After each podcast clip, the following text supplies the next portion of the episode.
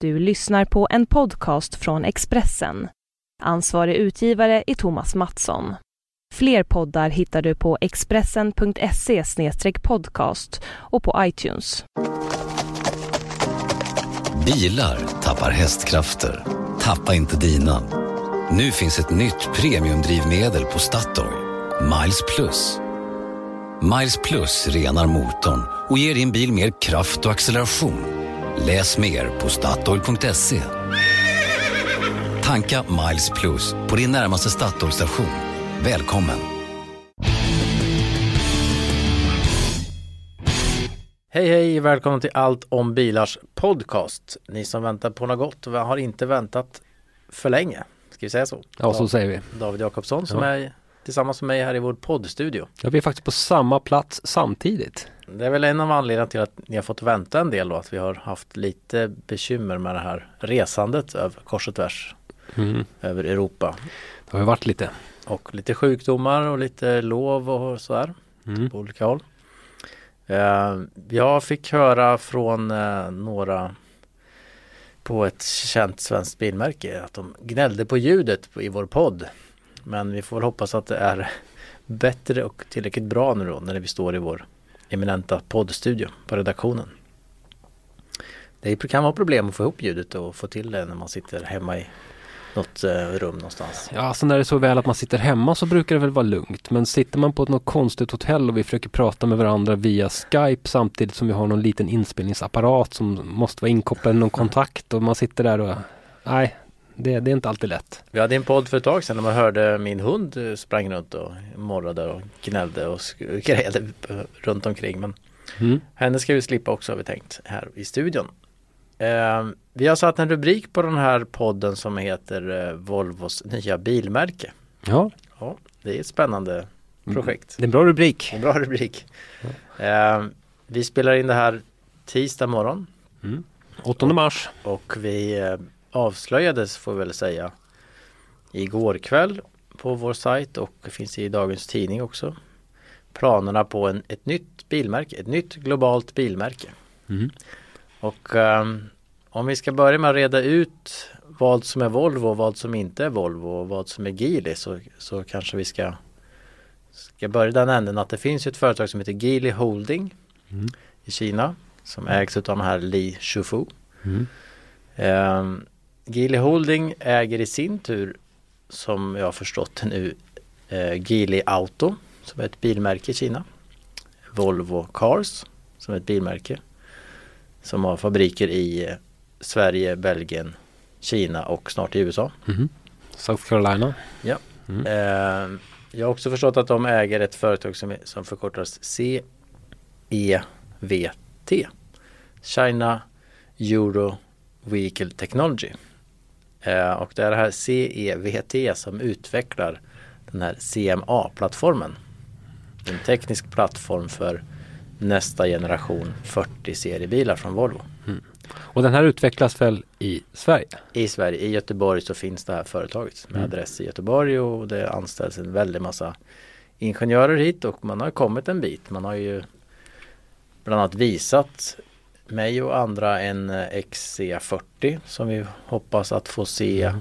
näst, alltså hösten 2017. Eh, och det finns ju då planer på att även Geely ska använda den här, alltså Geely Auto ska använda den här plattformen. Mm. Eh, vi kan ju, om vi backar något år så där så har ju då Geely Auto värvat en massa människor från Volvo Cars. De värvade ju Peter Horbury, designchefen. Man har värvat ganska nyligen då Allan Visser, marknadschefen. Man har värvat Mats Fägerhag som är VD för den CEVT kan man säga. Mm. Eh, som var ju utvecklingschef på Saab i över 20 år och sen värvades till Volvo Cars då. Eh, och skulle jo- jobba ett tag, en kort period med Peter Mertens med att utveckla bilar åt, åt Volvo. Går man in på den här CEVTs hemsida så står det där bland annat att de, att de ska utveckla den här plattformen och att de ska göra Geely stort igen. Eller stort i övervärlden. Um, och då undrar man ju då var kommer det här nya bilmärket in i, i den här komplicerade företagsbilden och då är det så att eh, som, som jag har förstått i alla fall att Geely Auto, bilmärket, ska skapa ett nytt märke för global lansering. Ehm, och det här ska presenteras stort i maj senare här. Där man ska berätta mer om vilken eh, typ av bil tror jag det de ska göra. Mm. Låter det spännande med ett nytt bilmärke? Det är klart det är. Det är alltid spännande med nya bilmärken. Eh, Har vi inte för många bilmärken? Ja, det är nästa fråga. Eh, Alltså, det, det är ju vanligt att, eh, att eh, stora bilföretag vill ha fler varumärken att leka med. Det ser man. BMW köpte Mini, eh, Renault har Dacia, sitt budgetmärke. Det är liksom Man uppenbarligen... skapar åt andra hållet också premiummärken kan man säga. Ja, det kan man ju säga. Men Ci- Infinity. ja, Citroën ska nu, har nu DS till exempel. Ja, så att det, det, de har väl räknat ut att de kan tjäna mer pengar på det här. Och för, för, för oss som tycker det är roligt med bilar så är det så, såklart roligt med flera modeller. Ja. Men behövdes det ett nytt märke? Jag menar Geely fanns ju redan. Man kunde ju säga att ja, nu ska Geely som, som jag och många med mig säkert trodde att ja, nu ska Geely säljas över hela världen. Mm. Nu ska Geely lanseras i Europa. Varför inte bara göra det? Vi hade ju något litet samtal om det där du och jag. Det här med, med att börja sälja kinesiska bilar i Europa. Funkar det? Är det någon, är det någon som, som har lyckats med det? Är det någon som har försökt? Eller vill man Nej, skapa de har ett ju- varumärke som, som så säga mer är skräddarsytt för just Europa? Ja, man har ju förs- man, man gör ju, man, det finns ju de som bygger och säljer, bygger bilar i Kina och säljer i USA. Mm. Eh, det, det har ju även Volvo funderat på att göra. Nu ska de bygga en egen fabrik i, i USA men innan dess så funderar man ju på det. Att, att liksom bygga i Kina och skeppa till USA. Mm. Eh, och det görs ju bland andra, andra märken men eh, då är det ju ändå ett bilmärke som från början förknippas kanske med USA om det är Buick eller om det, Mm. eller om, om det är Volvo som är från Europa. Liksom. Mm. Folk är ju lite känsliga när det gäller ursprungsländer för bilar. Är det inte så? Ja, vi pratade ju om det här. Jag, jag tror kanske att den tiden är över när, när man har tänkt på när, var bilar byggs. Jag kommer ihåg, mm, som brukar dra en historia, du hade en annan historia, men, men det fanns en Ford Escort som byggdes i Brasilien som var jättedålig och den som byggdes i Europa var bättre i alla fall. Ja. Och då var man ju så här, se upp för den eh, Brasilien byggda Forden liksom. Mm. Men nu är det ju inte så riktigt. Samtidigt som om du frågar eh, den eh, genomsnittlige bilköpande svensken så här, vågar man lita på en fransk bil? Ja, då kommer nog den personen att säga nah, Nej, känns nog inte riktigt bra precis. liksom. Den kommer från Frankrike. Och då vet de inte liksom, vad är det för kvalitet på nya Peugeot 308 till exempel. Sådär. Nej men det gäller ju att den håller. Ja. Håller den så tror jag inte folk bryr sig om var den är byggd. Går den sönder så bör man titta kanske på varför. Mm. Ja den är fransk eller den är byggd i Kina eller den är byggd i Turkiet eller Mm. i, i Lettland eller vad det kan vara. Liksom. Men går det inte sönder så, så Men det tar ju tid så att säga att bevisa och, och få Ja, oss att förstå ja. det liksom. Att någon måste ju, någon, alltså man, vi lyssnar ju på vår, man lyssnar på sin polare och sin svåger och man, någon kanske läser till och med vad vi skriver för att bilda sin uppfattning om vad som är bra eller inte. Utan det tar ju tid att arbeta in det där, att jo men den, Ja. den här bilen från Kina håller. Och då måste det finnas någon som är beredd att liksom stå och pytsa in alla de där pengarna för att få Ja, och det kostar ju, det går väldigt massa pengar att bygga upp ett helt nytt bilmärke också. Bara att, Mm. att skapa det och marknadsföra det och Mm. i så fall få det att framstå som icke-kinesiskt. Mm. När det ju alla vet Mm. att det är det. Det är ju det. Sen kanske vi kommer till ett läge när kinesiskt till och med är, är något positivt. Att det Ja. blir en kvalitetsstämpel att den kommer från Made in Jag, China. menar, vi, jag tror absolut att de är minst lika bra grejer där som, som någon annanstans. Mm. Jag skulle, det finns inget som idag säger att en fabrik i Kina skulle bygga sämre bilar än en, en fabrik i England. Jag var ju i Volvos Jag- jag eh, fabrik i är Chengdu till exempel. Och det är ju, det är, för det första så är det ju samma maskiner i princip som, är, Ja. som finns i, i, i Torslanda. Och sen så är det ju killar från Torslanda som har varit, och tjejer som, som, som har varit där liksom och sett till att det är likadant. Så det är ingen skillnad. Nej, och de har ju de, de värvade ju nu hela Volvos ledning eh, mer eller mindre. För att bygga upp det här märket så det är klart att det är samma och det är samma. De, de, även om nu vi ska komma tillbaks till rubriken att Volvo har ju eh, dementerat att de har något samröre överhuvudtaget med det här bilmärket. Mm. Men det de ändå medger är ju att de samarbetar ju med den här tekniska plattformen. Det är klart att de har lika, minst, minst lika mycket att säga till om det, när de bygger den här CMA-plattformen. Mm. Volvo har det lika mycket som Geely. Planerna finns ju såklart redan innan den här plattformen är, innan första Ja. penseldraget är Ja. draget liksom. Och, och eh, de, de medger också att de kommer och, och har ett samarbete när de planerar inköp från underleverantörer. Mm. När de pratar om eh, distribution och eh, tillverkning också. Men tror du att Volvo har någonting att säga till om eller har de bara att rätta sig efter vad, vad, vad, vad pappa Geely säger i det här? Att det här... Nej, men det, det, det, vi hade en, jag hade en lång diskussion med en person från Volvo igår som var väldigt uppe. Men det är klart att det, är- det är ju Volvo som och, och de människorna som finns på Volvo och som har värvats då till, till Geely. Det är ju de som kan den globala bilmarknaden. Mm. Det är därför de köp, köpte Volvo, för att köpa sig kunskapen. Och det vore väl korkat om man då i det här läget inte använder sig av den. Varför går man inte på andra sidan korridoren och frågar Hallå, vi ska lansera ett nytt globalt bilmärke. Hur gör man? Mhm. Vad, hur, hur tänker man i USA? Alltså, det är klart att man, En formulerad samarbetar. fråga. Ja. Jo du, vi tänkte att vi skulle faktiskt lansera ett bilmärke här. Och, och, och å andra sidan så är det klart att om Geely tänker att ja men det här med premiumbilar det verkar ju bra, det tjänar vi mycket pengar på. Mm. Det är klart att Volvo då säger, ah, stopp och belägg, det är vi som är premiummärket i den här koncernen. Det är lika befängt som att tro att, att Skoda och Audi inte samarbetar inom folkvagn. Det är klart att de gör. Alltså det är klart att de, att de från början vet vem som ska göra vilken bil Mm. om fem år. Mm. Det är klart att de förstår att det här ska bli en Audi Q1 och det här ska bli en Skoda, ja vad nu ska Jo, ja, de måste ju ha full koll. Om de ska ha Om det ska samma, mening med ett koncern. samma bitar för att Ja. kunna få upp, uppnå sina synergieffekter så måste de ju veta exakt var de där bitarna ska passa. Ja. Och det. nu i, i det här eh, SPA-projektet med XC90, S90, V90 så har de ju i detalj förklarat liksom vikten av att bestämma sig tidigt för att det här måttet är fixt, det här ändrar vi inte på. Det här, Mm. Den här delen i den här, i den här hela plattformen kommer att vara lika i alla bilar. Mm. Exakt samma mått mellan där de pratar om eh, främre hjul, ja, hjulaxeln fram och eh, där man säger den härdpunkten på var foten är när du sitter och kör. Mm. Det måttet är, är samma i en S60 som en XC90. Det är Mm. exakt samma för däremellan vet du exakt vad du ska stoppa in för saker. Och det är klart att om, om Geely i det här fallet säger att "Men i Kina är det så att vi behöver en sån här typ av bil Mm. i, av den här plattformen som, ja, säg att de skulle vilja bygga en liten cabriolet sportbil. Mm. Gud förbjude. Men om de, om de, då, då måste det här måttet vara så här. Vad är det för, det där med och då- kabbar? Ja. Och då, då, då får ju de säga det i det här projektet och, och Volvo tvärtom. Nej men vi tycker så här liksom. Mm.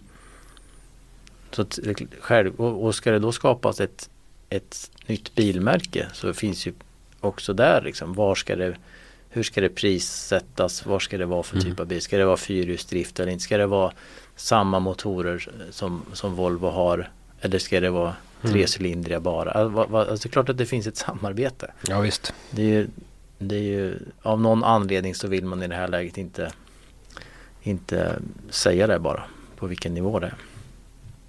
Mm. Så jag tror absolut att Volvo har, jag hoppas ju, hoppas ju att Volvo har mycket att säga till om i sådana här frågor.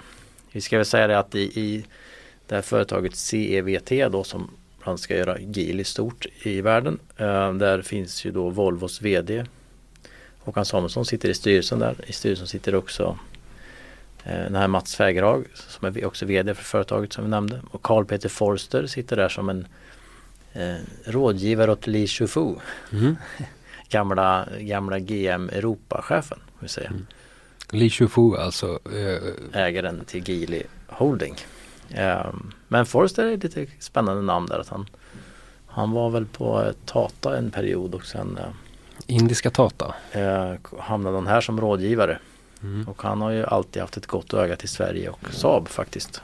Mm. Även om han fick mycket skäll för hur GM Europa hanterade Saab så har jag efterhand förstått att han var en av dem som höll Saab bakom ryggen ganska länge i det projektet. Alan Visser har ju samma bakgrund, de jobbade tillsammans där på Opel en gång i tiden. Som ju nu är marknadschef för Geely Auto. Mm. Före för detta Volvos marknadschef.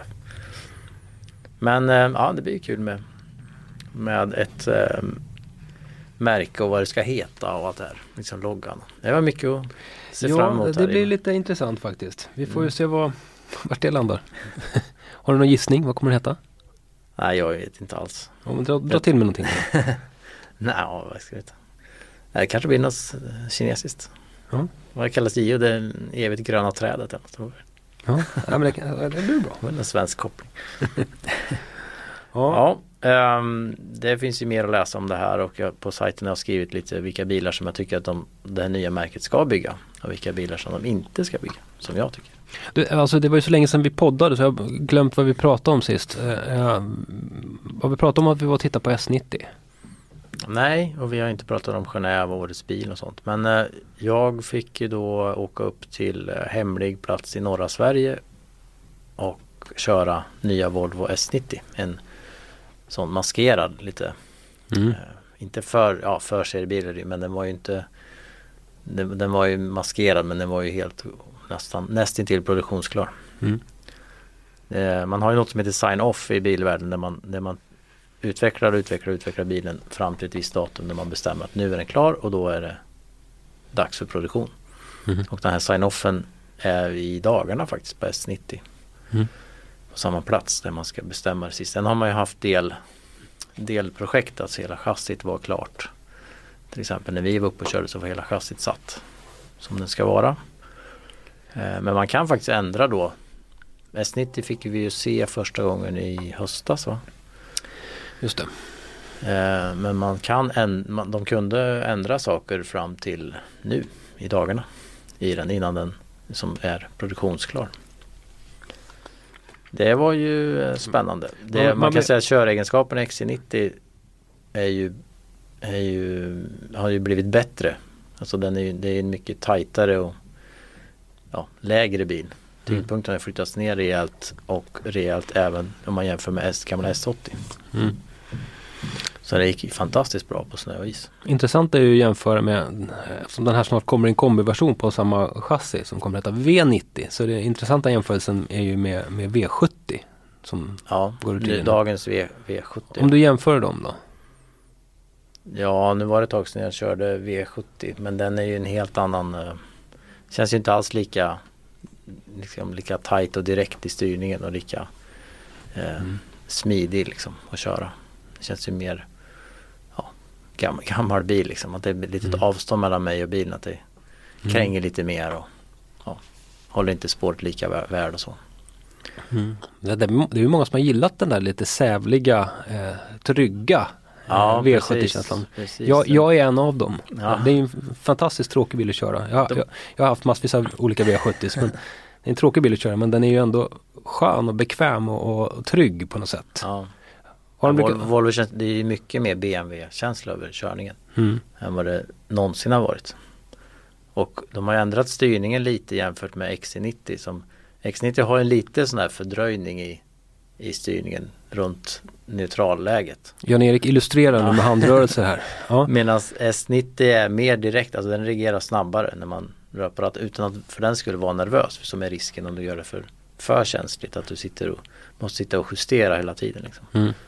När det är väldigt, man kan sitta och väldigt avslappnat hålla ratten i neu- neutralläget utan att det händer något. Men när man väl gör något så styr den snabbare än XC90. Mm. Som ju är lite, men det har de medvetet byggt in den där trögheten du pratar om. För det vill man ha. I en lite större bil, tyngre, högre så vill man vara lite mer amerikansk liksom. Mm. Alltså det ska vara lite sävligare. Mm. Så det var väldigt medvetet att man har ändrat det. Men det får vi se i V90 då. Om vilken, vilken eh, trimning man väljer där. Om man säger så här, känns det att man sitter i en Volvo? Om man, om man har kört Volvo hela sitt liv, känns det att man sitter i en Volvo? Eh, ja, det gör det ju fast det är nog som de, de, de bra egenskaperna har blivit mer, bättre och mer framträdande om man nu gillar det här lite mer Mm. körvänliga. Liksom. Mm. Inte så tungt och sävligt. Eh, för det har väl vissa Volvobilar väl upplevt lite tung, tunga, tungstyrda liksom, tung Mm. på framhjulen. Mm. Så det tycker jag de har byggt bort. Och den känns ju mycket mindre. Den är ju väldigt, den är ju stor och lång bil men den känns ju inte så när man kör den. Känns mycket mindre. Ja, den är ju nästan fem meter lång. Ja. Mm. Ja, det blir roligt att köra Eh, någon sen fick vi köra det, det XC60 då som är en utgående som, som du satt precis och skrev artiklar om här Mm.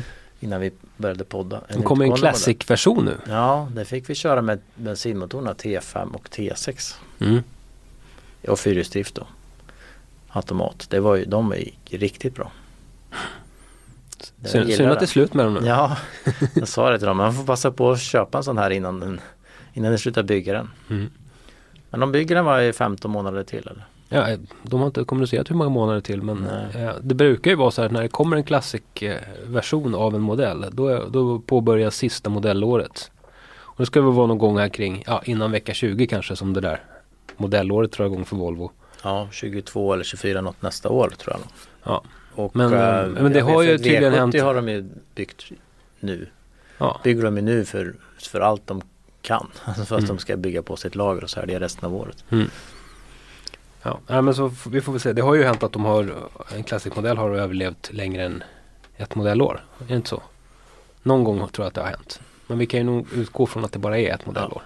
Och det, det tycker jag ju om man pratar nytt bilmärke. Det här är väl en modell som verkligen förtjänar att fortsätta och, och få vara kvar på kartan. Den säljer ju fortfarande väldigt, väldigt bra. Mm. Om, om, var det, över 150 000 bilar förra året va? Ja, var det så mycket? Men de har ju ökat sin försäljning år för år. Eh, Det brukar inte vara så. Det var den mest sålda SUVen i Europa tror jag i den kategorin. Vilket ju är fantastiskt för en bil som ju är några år. 159 617 Ja, bilar. Det, det, det är bra. Ja, det är du som har skrivit det här. Ja, okej. Då, då är det nog sant. Nej men den förtjänar ju att få vara kvar i, om nu, även om den, om den heter något annat. Liksom. Mm. Och det kostar lite mindre så är Mm. det inga problem. Ja. Evigt gröna trädet XC70. Eller XC60. men. ja. Ja, sen får man ju se dem, det, det är ju den här kannibalismen inom märken. Nu får man ju Mm. olika märken hanterar det olika bra. ja. Spännande. Men, men om vi ska säga något om positionering, vi kanske glömde det men om märket. Det ska ju vara så här Opel Person så det blir ju lite billigare. Mm. Inte lågpris men, men inte premium utan mittemellan. Mm. Det är det som man, som man tänker sig. Ja. Jag, har- jag har ju Ja. faktiskt också varit och tittat på en fin Volvo kom jag på. Ja, Jag var ju på Shakedown när eh, Cyan Polestar Racing skulle provköra sin nya VTCC-bil för allra första gången. Var nere på Ja. Knutstorp. Det var tufft. det var tufft. Den lät väldigt bra. Vi såg ju filmer därifrån. Ja, en fantastisk, fantastisk bil. De, Fredrik Ekblom var nöjd i din in- tv-intervju med honom. Ja, han var, han var supernöjd. Han, eh, han var som ett litet barn på julafton. Så det är inte så ofta som racerförare som man får liksom sätta en helt ny racerbil och köra de första metrarna. Så han var, han var, han var glad. Mm. Och bilen startade och den började inte brinna. Och det var, Och den har gått snabbt ju. För nu den här veckan så har de ju tester i Italien va? ja, de har, alltså, det, näst bästa tid och sådär under vissa, veckan. vissa pass. Mm. Det ju- De, Fredrik Ekblom berättade det att han och Ted hade, hade sagt någon gång så till varandra lite så här uppspelat att tänk om vi är snabba. Tänk om vi är snabba. Det visade sig att de faktiskt är det, i alla fall under testerna här. Ja.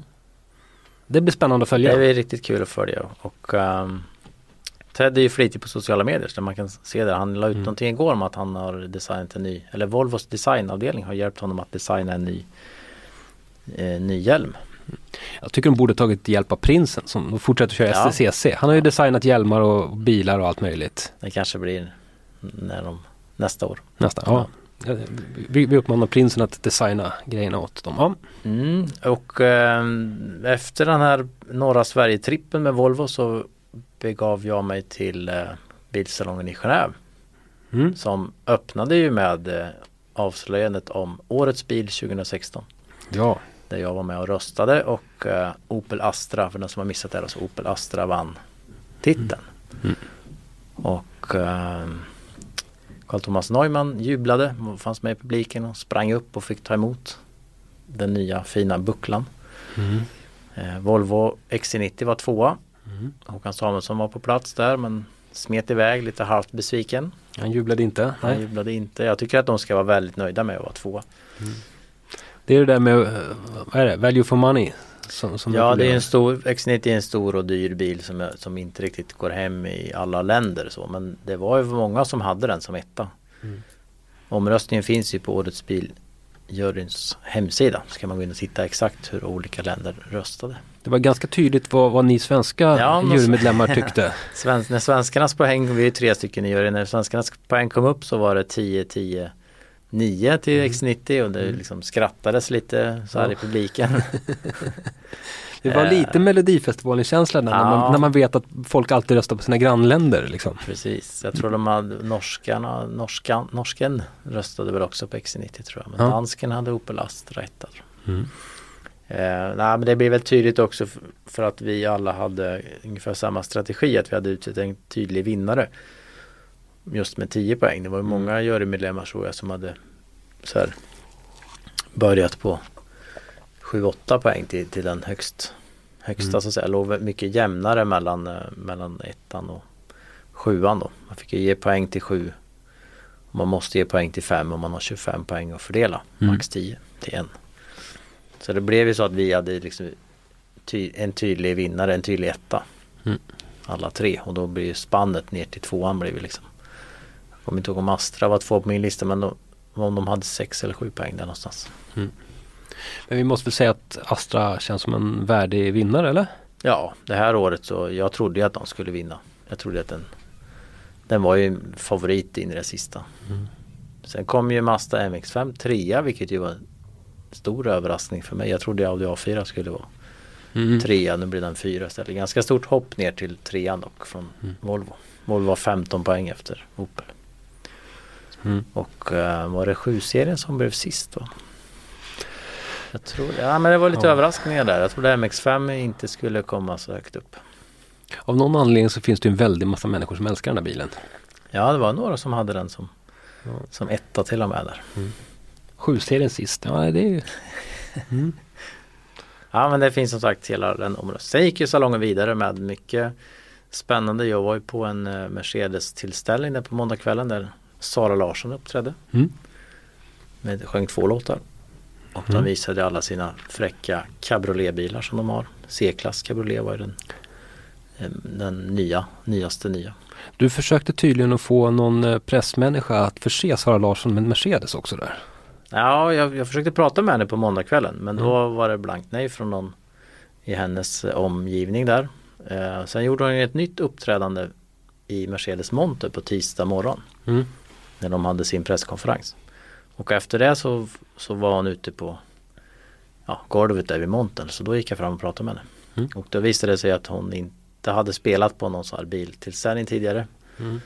Hon var överraskad av att det var så mycket folk. Hon tyckte att, trodde, hade trott att det skulle vara stelare, fler människor med slips och kostym. Även om Mm. det är rätt många män i slips och kostym där. Mm. Ehm, och sen sa hon att hon inte ägde en bil. Så att Mm. jag förmedlade det till Mercedes Sverige. Så att ni får, väl- nu har hon nog inte hon körkort tror jag. Hon är inte tillräckligt gammal men, Ja det kan man ju behöva. men när hon har körkort så tror jag nog inte att, att det är så långt bort att hon kan i alla fall ha tillgång till en Mercedes. Härligt. Även om det här var en engångsgrej som hon gjorde. Och Man kanske inte- skulle slipa lite på sin sångröst. Nej. Jag frågade ju då också eh, Mercedes svenska eh, marknads och försäljningschef Ola Källenius. Om det var hans idé att plocka in Sara. Men det var det inte sa han. att Det var deras PR och kommunikationsavdelning, deras grej. Hon var Mm. tydligen precis nu slagit väldigt stort i Tyskland. Mm. Mm, kul. Ehm, Ja, så det var två svenska stjärnor i Mercedes montern som jag uttryckte det i någon skrift där. Det är så fyndig. Det är så fyndigt. Men du har ju varit och tittat närmare om vi, vi kan gå från Mercedes till Mercedes då. Kan vi hoppa tillbaks till salongen sen? Vad tänker vi? Ja, jag har ju kört Mercedes. hade här, kört just det. Mercedes. Ja. Till och med inte bara tittat på den. Nej, jag, kört. jag har ju kört den jättelångt. jag körde den här eh, ehm, nya GLS som är den största SUVen.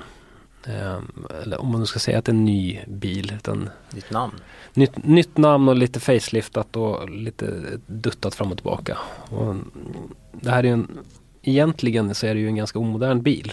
Alltså en jättestor tung eh, SUV. Det är alltså en större variant än, än vad heter de nu? De heter GLE. GLE heter Det är ju gamla, Mm. gamla ML Mm. som numera heter GLE. Och den här eh, GLS är alltså den större varianten av den. Med, Det är SUV-varianten av S. klass. Ja, det är väl det som är GL, GL, Gelände S-klass Ja. typ.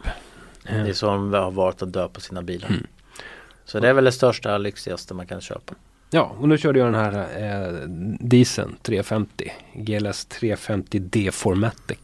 Eh, och jag måste säga att det är länge sedan jag mådde så fantastiskt bra i en bil. Men det, här, det här är verkligen, verkligen en fantastisk bil att åka i. Jag körde från Stockholm jätte, jättetidigt på morgonen så jag skulle åka ner till Knutstorp ja, och titta på den där VTCC-Volvon. Eh, jag vet inte hur långt det kan vara till Knutstorp, närmare 60 mil måste det ju vara. Ja. Kommer fram, det känns inte någonting i ryggen av trötthet eller bara pigg och fräsch när jag kom fram. Och så var jag där och jobbade, så skulle jag åka hem och då åkte jag tillbaka eh, mot Stockholm och då, ja, det var bara att köra. Jag kan köra hur långt som helst. Mm.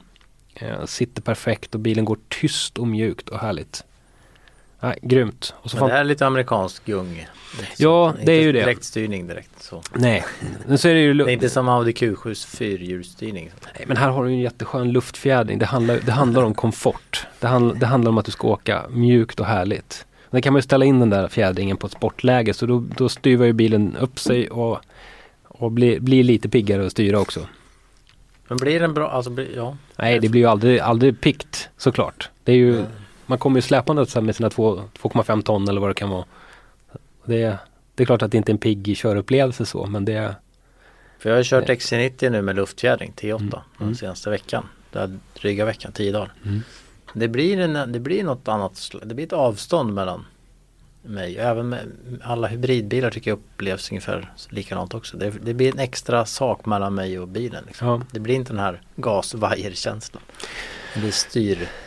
Nej, Käns- alltså det, det är men, men, ju, som men är just när det gäller det här så är ju det lite, lite själva poängen också. Att du inte ska känna vägen så mycket. Du inte ska Mm. känna någonting. Utan du ska bara du ska sväva fram lite fint. Mm. Det, ja. Nej men jag ju, körde ju de gamla GL-bilarna, de är ju otroligt sköna. Nej men den här GLS, liksom. sån vill jag ha. Om jag, om jag skulle vara Sara Larsson, om jag skulle kunna sjunga så, då skulle jag, då skulle jag verkligen sjunga. Ja, de är hennes in, intäkter. Då skulle, skulle jag sjunga av hjärtans lust och sen så försöka få låna en sån där sen.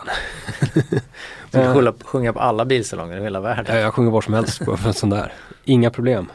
Eh, Vad är priset då? ja, det går ju inte att, knappt att säga vad en sån här bil kostar men alltså grundpriset för, för GLS 350D som jag, som jag körde då, det är ju 737 000. Jag började räkna lite på den där bilen som jag, som jag satt i, då var det ju en bit över 900 000. Och det är ju det är såklart bisarrt mycket pengar för att, Ja men det börjar närma sig en X90 T8. ja. Den är väl kanske något billigare. Om, där, där har du diverse säkerhetssystem som saknas i Ja. Mercan och där har du hybrid, eh, du har plug-in hybrid som inte Mm. finns i Mercan. Det, du får lite mer grejer i, i Ja. Volvon där. Men du har inte samma komfort i Volvon. Det är det inte. Nej. Eh, vi pratade ju där med Ola Källenius lite mer djupare, inte bara om Sara Larsson utan även om Mercedes försäljning. De har ju då slagit försäljningsrekord fem år i rad och hoppas ju Mm. på ett nytt rekord nu och de nosar ju på första platsen och tar den ifrån BMW. Mm. Eh, och eh, Ola sa väl att det, där mycket handlade om deras kompaktserie, alltså de minsta A, B Mm. klass och även om de räknar in eh, någon liten SUV där i kompaktklassen så har ju de nästan Mm. ja, mångdubblat sin försäljning. GLA har väl sålt ganska bra. Väldigt bra. Mm. Så ser man, ser man det så har de, de har ju gått bra på, i många olika segment men framförallt de minsta bilarna. De minsta bilarna är ju en otrolig utveckling. Mm. Nya A och B-klass är ju liksom Mercedes nu på ett annat sätt. Herregud, jämför första A-klassen när den kom och välte i eldtestet med, med vad som finns nu. Jag har ju varit och kört nya A45 AMG Ja, förresten. det är, en, det är också en bil som säljer ohyggligt bra. Ja. Och just AMG-bilarna är ju så här Mm. en dundersuccé. Hur de, och det ska börja Mm. bli fler och fler och fler bi- AMG-bilar. Liksom. Mm. Jag tror Mercedes ska växa nu från 30, de har nu 32 modeller. Om minns rätt så ska de ha 40 eh, före 2020. Ja. Det, och det kommer att bli fler AMG. De kommer satsa ännu mer på AMG-bilarna. Mm. Så det är väldigt, väldigt viktigt för dem.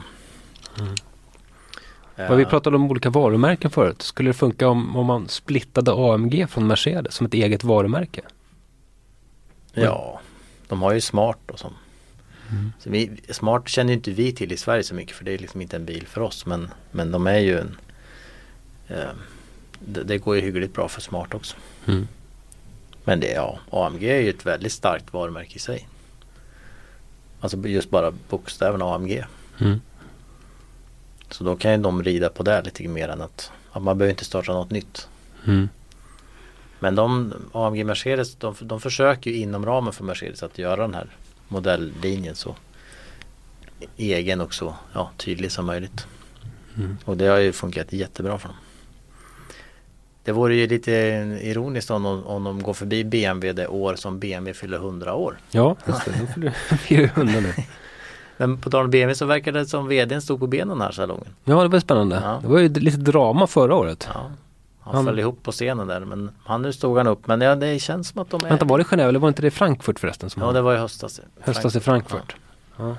Han var helt ny på jobbet. Skulle göra sin första salongpresentation och sådär. Nej, det var lite synd om honom. Men nu, eh, nu stod han upp. Men det var, jag, jag vet inte. De har något tufft BMW nu att Mm. hänga med liksom. Mercedes är verkligen på gång. Mm. Vi pratade ju med Ola också då, om vi går tillbaka till Mercedes, om att han nu ska byta jobb om ett år igen. Då ska han bli utvecklingschef för hela Mercedes. Vilket man tror är sista steget då för att så småningom bli VD för hela, hela märket. Mm. Den här Setche som är VD idag har ju ska jobba fram till 2019 tror jag, sista december. Mm. Så Ola får tre år som utvecklingschef och så är det meningen att han ska ta över. Så ja, om han inte gör bort sig på vägen. Mm. Han höll ju en stor del av presentationen också. Mm. Ja, så det är imponerande av en, en lärling från, från alltså en svensk ingenjör som började som lärling på Mercedes och vandrat upp och nu är så nära det går att bli VD för alltihop. Ja. ja, det är kanske är jätteroligt. Ja, han är jättetrevlig så. Han är all värd, värd, värd det. På tal om en annan svensk bilchef så Bo Andersson verkar ju på väg bort från Ja, Avtovaz hur, hur är det med det där? det, det är ju... Han har ju sparkat, som det står i alla texter, tiotusentals människor.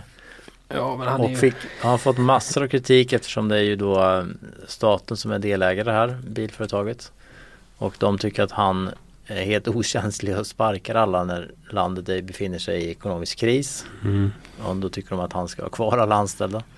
Men ja, det... han, han har sparkat sig 20-30 tusen människor liksom. Och Alltså- de, de, är, de är ju i fritt fall liksom. För de, nu drabbar ju alla sanktioner drabbar dem ju väldigt hårt. Mm. Bilförsäljningen har ju rasat fullständigt ihop. Eh, det kom igår någon besked om att Renault Nissan som är majoritetsägare i det här projektet tycker att han ska sluta och då är han väl på väg bort. Ja, tycker om det så är det väl så. Helt Ja. enkelt. Ja. Men han kan ju säkert dyka upp. Han är en Alltså jag karismatisk man. gjorde en intervju med honom för ett par år sedan på ja, i Stockholm. Han besökte Stora Bildagen i Stockholm som Dagens Industri ordnar. Och det, jag måste säga att jag har aldrig hört en företagsledare uttrycka sig så rakt som, som Bo Andersson gör. Det var, det var väldigt uppfriskande kan jag säga. Han berättade ganska målande, levande om hur han blev uppkallad till ryska regeringen och få liksom redogöra för vad han pysslar med. Och, ibland får jag ha hjälm, men ibland går det bra, sa han. Och han var helt äh, fantastisk människa, jättespännande tycker jag. Han började ju liksom redan där med, apropå sparkade, han, han eh, sa upp 16 000 man det första han gjorde i princip. När, när han kom till. Och drog in, eh, nej, 16 000 var det, och så drog han in alla tjänstebilar för alla chefer och för att de skulle minsann åka varumärket. Och, nej, han, är, han, var, Man vet hur man skaffar sig fiender. han vet hur man skaffar sig fiender och han vet eh, liksom eh, eh, Han vet hur man tar in med de hårda nävarna. Mm. Det var en Ja. fantastisk film som dök upp också för något år sedan. när Han visade en, nya, en ny modell för Putin. Han stod och pekade så här, sådär liksom. Putin är ju intresserad av vad han pysslar med. Liksom. Ja, han, alltså, Ja, han, det, det blir, om han nu slutar, vilket man tror så ska det bli kul att se vad han tar vägen. Jag, jag, jag tror att han behöver semester först och främst. Han har varit i den här hetluften som han har befunnit sig så. så Han är 60 år så han hinner med ett jobb till minst. ja, ja. Eh, jag satt på middag med, med Opels inköpschef som ju har jo- jobbat med Bo Andersson Mm. när Bo var inköpschef för hela GM. Mm. Och hon gillade honom jätte- jättemycket. Mm. Och då, och hon, eh, han hade så att säga plockat upp henne och, och skolat henne så allt hon, allt hon kunde som hon sa om inköp Mm. hade han lärt henne. Sparkade hon många människor? nej, hon verkade väldigt lugn. Eh, nej men det är nog inte lätt att hålla i alla inköp och underleverantörer och vad, tuff liksom mot dem. Mm. Kräver nog um, en hel del. Ja, om vi går tillbaks till bilsalongen då, vad hände sen? Jo, sen träffade jag på Victor Müller, Mm. Sverigebekant. Så Mm. stod vi i Spikers monter och skulle avtäcka en ny supersportbil. Hade han ritat den själv den här gången? Nej, vi kom inte så långt för jag, jag ja, frågade först, han var inne i monter och så här, inte, inte riktigt tillgänglig så. Mm. Så jag frågade några där människor om man fick prata med honom och sa ja, det fick jag visst. Och han var glad och trevlig och släppte in mig i montern och tog hand och vi hälsade och pratade och så. Han ville inte prata om Saab. Nej, konstigt. Absolut inte. Så här, vi pratar bara framtid, det där är dåtid. Mm. Ehm, så pratade vi lite om, om Saab ändå och så här men han ja, sa väl inte så mycket om det. Pratade vi lite om den nya bilen och ehm, jag frågade om elektrifiering och det trodde han inte var något för supersportbilarna. Han tyckte att eh, de kunderna de vill ha ljudet, de vill ha upplevelsen av en häftig bil. Mm. Så de skulle inte åka runt på el i någon form. Den, den åsikten är han väl ganska ensam Ja, med. Det, Aston Martin hade ju en VD som tyckte samma sak men han fick ju Ja, sluta han har efter ju, ett tag. ja, deras nya vd vill ju ha en supersportbil Ja. som är eldriven. Precis. Jag håller med på och bygger. Vi upp med Mercedes just det. Porsche bygger Ja. Nej just supersportbilarna tyckte nej det var ingenting för dem. Och de, de köparna de, de behövde inte det och de behövde inte liksom bry sig om vad det kostar och, och de, köra. de behöver inte bry sig om miljön. Nej. Är man tillräckligt rik behöver man inte bry sig om miljön. Nej och inte vad det kostar att köra eller köpa eller någonting. Nej, nej. Eh, De ehm, Det fanns ju granne där, finns ju ett företag som heter Tech Rules Där hans Ja Det finns en inf- informationskille som heter Erik Geers som jobbade med Saab och jobbade med Mm. Sen Som nu jobbar på Tech Rules och de hade en Spännande idé med en eh, mikroturbin som ska ladda Ladda ett batteri och så går bilen på el från batteriet Mm. och då skulle man få ner vikten på Den kunde ladda batteriet så snabbt som inte så stort batteri Mm. och eh, det var bra verkningsgrad på turbinmotorn och då kunde den drivas med olika bränslen. Så. Okej, Och då berättade Geers att Victor Müller minsann hade varit där och, och, och ville köpa den här tekniken. Jaså? Ja, Geers svarade då fyndigt att det går väl bra bara du betalar det Ja, härligt. Så att det pågår lite affärer i, bakom eh, kulisserna där på Genève bilsalongen. Ja, ja. Koenigsegg hade tre bilar i sin monter. ja, de hade produktionsvarianten av Rera va? Ja, eh, och de eh, hade väl 40 order. De hade 30 order på den bilen när salongen öppnade. Men Mm. de räknade med att de skulle sälja 10 till under salongen. Värt att åka dit alltså? Värt Mm. att åka dit. Eh, Men det är ju alla bilar som de ska bygga. Jag tror att det var 40 som de skulle nej, bygga. 80. Så 80? hälften är, hälften är eh, Det finns alltså fortfarande chansen. Ja, det finns chansen. Ja. Och ehm, Då vill jag löneförhandla med dig sen.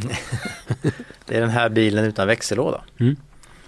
Ja, jag, jag råkade ju hamna på samma flyg till Genève som hela Volvo-gänget med Håkan Samuelsson och, och ehm, Thomas Ingelath, designchefen och Just det. Europachefen och Sverigechefen och alla dem. Mm. Så att jag satt bredvid Håkan och berättade, jag sa ja, men det blir kul att se vad Koenigsegg gör men de har ju den här bilen utan växellåda. Då blev jag lite nyfiken på Mm. Håkan hur den funkade. Men kan man inte titta bara på Mitsubishi Outlander plug-in hybrid? Ja. ungefär samma sak. Ja. Eh, vad hade de, de hade Agera också va? Agera R. Den, Ja, Det finns ju massa olika versioner Agera och sen hade de en den här ehm, sista versionen av Agera. De har gjort tre specialbilar av Mm. Agera. När, han, jag sände ju den presskonferensen på Periscope. Mm. Ehm, och Christian von Koenigsegg berättade att det, det liksom, man fattar när man pratar att det går mycket till så att en, en kund vill ha en viss, ett visst stuk på sin bil, en skräddarsyr sin bil. Mm. Och då blir det så bra så då liksom typ bygger de två till likadana. Mm. Och så kallar de den någon speciell versionsserie. Liksom. Mm. Som Agera, men de är sålda alla. Vad jag har förstått alla Agera. De ska försöka utöka sin produktion där. Och se om de kan spotta ur sig fler bilar. Mm. Det går för högtryck. Det är väl ett par års väntetid tror jag på en Koenigsegg. Och allting byggs fortfarande i Ängelholm. Ja.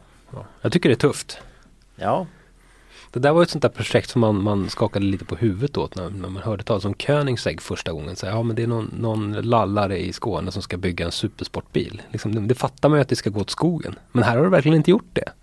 nej, nej precis. Nej, jag var ju också skeptisk. Alltså, det jag vet inte om vad det beror på att man är skeptisk men man, man vi kanske inte förstod det här suget efter supersportbilar och det här ja, som Spiker också ser liksom att Mm. det här är de betalar vad som helst för den här, de här bilarna liksom. Kostar den 25 miljoner eller 30 miljoner så betalar de det. Ja. Bara för att de ska ha det och det är inte liksom en bil utan det är, en, det är ett samlarobjekt eller det är liksom det är kanske sin tredje Koenigsegg man äger eller, Mm. eller man, jag vet inte vad de använder dem till riktigt. Man ser någon video här och där när någon Koenigsegg kraschar. kraschar. Och det, ja. Ja, ja men det finns väl en business i det där. Ja, sen, får- ja. Vad hände mer på bilsalongen? Ja, det var ett evigt springande sen mellan olika intervjuer eh, på eftermiddagen där och eh, en del, det mesta har vi publicerat på sajten. Se att Ateka var en liten Sverigefavorit som dök upp där. ja, den SUVen. SUVen jag tyckte såg väldigt, väldigt fin ut. Mm. Den tror jag kommer att passa många svenska Det tror jag eh, också. bilköpare. Jag tror man den är, Mm. de ska prova något nytt. Den är beställningsbar från april. april. Mhm.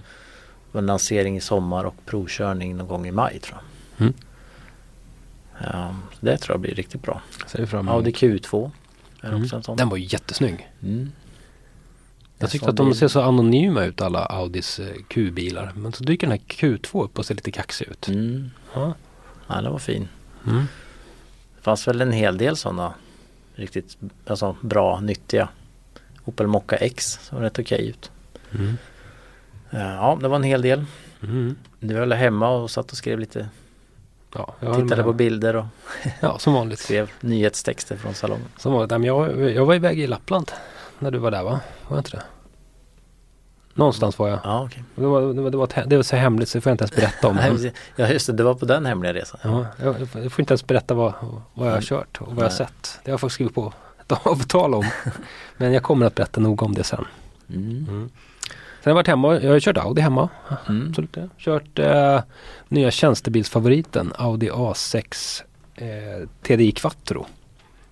Det är väl inget nytt tänker man. Jo, det, det är lite nytt. För att Fyrhjulsdrivna A6 har ju funnits hur många som helst. Men eh, i samband med faceliften som kom eh, förra året så kom den här 190, 190 hästars dieselmotorn till A6. Och en helt perfekt motor för, för hela tjänstebilssegmentet. Men Audi tjuvhöll lite på det där med fyrhjulsdrift till den. Och den kom nu för ett tag sedan och jag har kört med den där bilen. Men visst är det så att de har någon ny fyrhjulsdrift va? Det kommer, de kommer med någon, någon eh, Intelligent eller? intelligent eller som någon sa sneak Okay. fyrhjulsdrift. Eh, den har jag inte kört. Jag tror att det är en provkörning med den tekniken på SUVen SQ7 va? och A4 Allroad Just det. Quattro. Mm. Om de satt i de bilarna minns. Men ja, det kommer något, Mm. något sånt. Mm. Men det är väl trevligt med fyrhjulsdrift? Ja men alltså det, det är ju, alltså man kan ju tycka att varför ska jag behöva fyrhjulsdrift? Jag kör ju bara i stan. Men alltså vissa bilar mår väldigt bra av fyrhjulsdrift. Mm. Ehm, jag, vet att jag var ju helt eh, lyrisk när jag hade kört A4 med, nya A4 med fyrhjulsdrift första gången. Det var en helt annan känsla än den framhjulsdrivna, tycker jag. Bilen, Vi körde ju en sån i um, Frankrike, årets bilfinaltesterna så hade de ju en sån Audi A4. var det en Quattro då eller? Ja, Mm. och den var ju helt den magiskt fin att Mm. köra. Den framhjulsdrivna kändes inte alls lika pigg. Nej. Mm. Och sen när jag kör A6 Quattro, det är samma sak där. Kanske inte lika tydligt men den här fyrhjulsdriften när man slaskar runt i svensk fulvinter så här så är det ju, det är ju skönt. Liksom. Bilen håller sig stabil. Vi provade ju när vi körde S90 där på det hemliga vinter, vinterstället så fick vi också köra eh, X90 T8 och då kunde man ju ställa in och man kan ha hybrid-mode eller eh, fyrhjulsdrift Mm. i liksom. Och, det, och då kunde, och så fanns det ett område med djup snö så kunde man köra och provocera bilen typ så här, omkörning med snömod. Och det var ju stor skillnad på, på fyrhjulsdriftläget och Mm. inte. Mm. Och sen gjorde jag även sådana panikbromsningar. Liksom, upp från 140-160 och bara stå allt och orka på bromsen. Och hade man då hybridläget i så fanns det tendens till att bakänden vinglade lite liksom. Mm. Släppte lite och det hade att göra med hur snabbt den reagerade på hybridläget. Att den började liksom, nu ville den ladda upp batteriet. Ja, den ville ladda batteriet. Ja. Men det var inte med fyrhjulsdriften att göra. Nej men när man då satte i fyrhjulsdriftläget Mm. då var den ju spikrak. Mm. Men då var det bara bromsarna och ABSen Ja. som, och ESPn som Ja. jobbar då. Men det, det där är... Var, det var ju, men det var just i, i djupsnö också var ju, det var ju riktigt det var fantastiskt tryck. Mm. Man kunde liksom blåsa in med 110 i ett område med jättedjup snö och bara vrida på ratten och köra slalom och den tuggar Mm. sig fram liksom. Jag bara säger det här, jag vet att du vet det men alltså, förvånansvärt ofta så hör jag eh, folk, läsare som hör av sig sådär som, som lever i villfarelsen att man bromsar bättre med en fyrhjulsdriven bil. Att den är alltså säkrare under inbromsning. Och det där måste vi ta ur folk. För, för, Okej. för det, det kom en rapport från, jag tror att det var Folksam också, som visade sig att det, det är eh, farligare att köra fyrhjulsdriven bil. När man kommer upp i högre fart. Man kommer upp i högre fart och så, så får man eh, så tror man att bilen har bättre sidgrepp och man tror att bilen bromsar bättre och sådär. Bara för att man har då bättre drivning. Mm. Man hamnar i något läge. Men så är det ju inte. Det är snarare tvärtom. Att har du fyrhjulsdrift så har du mer vikt och bromsa ner också. Men är det, också, det kan det vara så att man måste lära sig att bromsa Ja, nya bilar. För det finns ju den här panikbromssystemen är ju riktigt bra. Ja. Men, men det är inte många som litar på dem så man smygbromsar liksom. ja men så är, Bromsar det, fel. så, så är det ju. Men man ska, hur, man ska hur som helst tro att man är immun mot allting bara att man har fyrhjulsdrift. Men det är bra med fyr. Alltså, Ja, jag har en fyrhjulsdriven bil. så, så det har jag. Och det, det, tänker jag väldigt, fortsätta ha. väldigt, att man kunde ligga, vi hade en isbana typ. Det var ju packad Mm. snö och is. Man kunde Mm. ligga liksom 90-100 i, i kurvorna liksom. Mm. Man kände ju bara den bara liksom, tuggade sig åt rätt håll. Mm. Det var väldigt, väldigt stabilt liksom. Och då man kunde öka, man, man började lite lugnt så kan man öka farten, öka, öka. Så till slut, ja men herregud, där sitter jag och kör liksom riktigt, för det var så här typ 70-väg man åkte på. Mm. Men där sitter jag och kör liksom 110. Nu var det avstängd testbana så det var inte trafik då. Mm. I de här. Och det, det gör man ju inte, det har jag aldrig gjort med någon annan bil liksom. Det beror ju en hel del på däcken också. Men vi provade faktiskt både dubbade och odubbade vinterdäck där. Mm. Men vinterdäck för Norden. Mm. Det, var, det var skillnad även på dubb och odubbat såklart. Speciellt i snön där, eller på isen. Men, men det gick bra även med odubbat. Mm. Ja, Ja, det där är en egen podd. ja det, det, börjar ta slut på vintern nu. Men eh, Ja. Jag hoppas att vi ska kunna berätta ännu mycket mer om. Jag ska försöka provköra ett däck som faktiskt är, är eh, anpassat just för den här eh, perioden. Eh, det här Michelin, vad heter det nu igen då? Inte, jag har inte satt mig in i det. Ett, ett Eh. vår-höstdäck. Eller? det? Det, det, det, kommer, det kommer snart Ja. vad, vad det heter. Det är alltså något däck de tagit fram för att det ska funka de här övergångsperioderna som, som har lite vinteregenskaper samtidigt som det är ett sommardäck. Mm. För de här, det kan ju vara så att man smackar på sommardäcken och sen så kommer det lite en liten- sista aprilsnöskvätt Ja. sådär.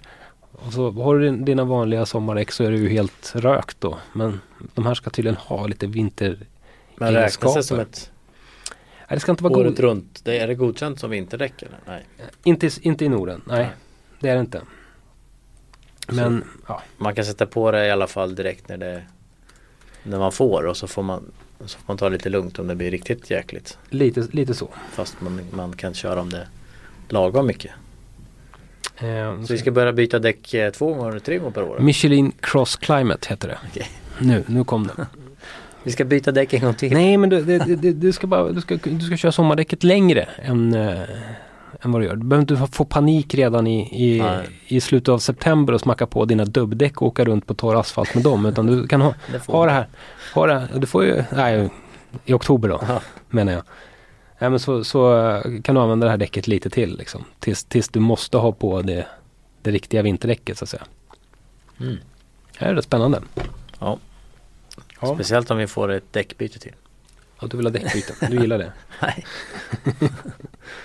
Ja, Men vad händer framöver då? Jag ska, eh, vi hoppas nästa vecka kunna prata om nya Mercedes E-klass ja du ska ju åka på den ja. Ja, Det är, det är jag faktiskt avundsjuk på. Ja, jag fick ju se den och på sajten hittade ni en text där jag intervjuar en, en interiördesigner. Mm.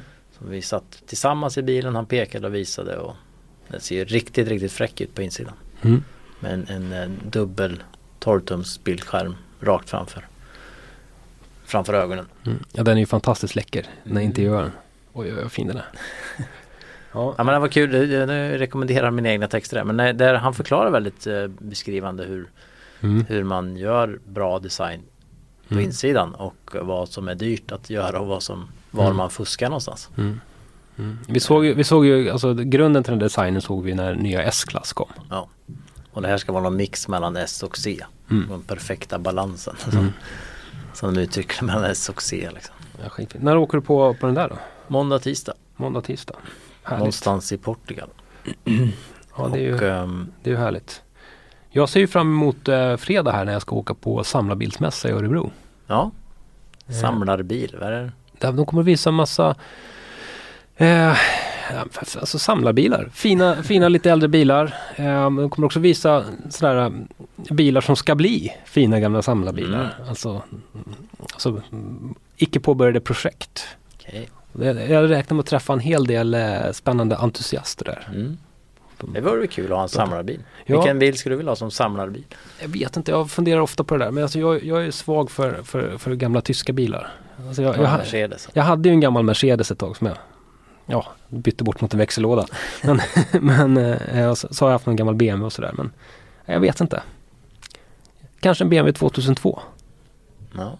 Jag redigerade in en text eh, som vi har köpt om eh, som ska vara vår klassikerserie här som är i magasinet Mm. om Fiat 500. Mm, Så var det fränt att ha en sån. mm. Jag vill inte krocka i den bara. Från 12 000 uppåt. Så mellan 12 och 15 000 kan man få en. Ja, det är tufft. Eller 12 och 50 000 från en, en Fiat 500. Mm. Ja, varje gång jag börjar titta efter en sån här bil då, då, då går jag liksom uppåt hela tiden i skick och prisklass. Och sen så börjar jag bli sugen på en nyare bil. Så sitter jag och tittar på, på nästan nya BMW M3. så blir det inget av med det där. GLS tittar du på. Ja, nej men GLS blir det inte. Det har jag inte råd med. Jag har inte råd med en M3 heller. Det var det avsnittet va?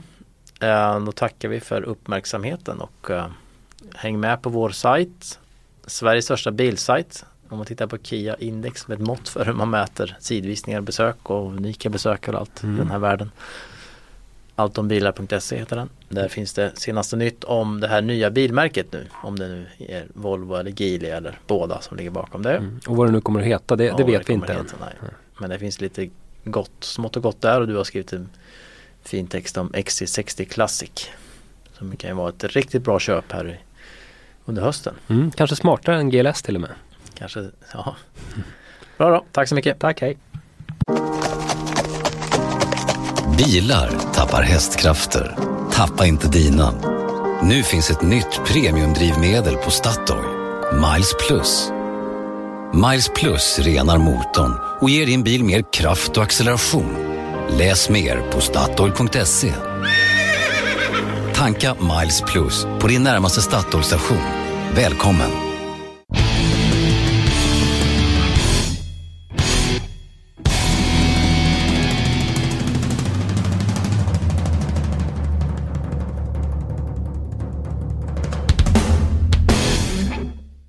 Du har lyssnat på en podcast från Expressen. Ansvarig utgivare är Thomas Mattsson. Fler poddar hittar du på expressen.se podcast och på iTunes. Ett poddtips från Podplay. I fallen jag aldrig glömmer djupdyker Hasse Aro i arbetet bakom några av Sveriges mest uppseendeväckande brottsutredningar. Går vi in med hemlig telefonavlyssning och, och då upplever vi att vi får en total förändring av hans beteende. Vad är det som händer nu? Vem är det som läcker? Och så säger han att jag är kriminell, jag har varit kriminell i hela mitt liv men att mörda ett barn, där går min gräns. Nya säsongen av Fallen jag aldrig glömmer på Podplay.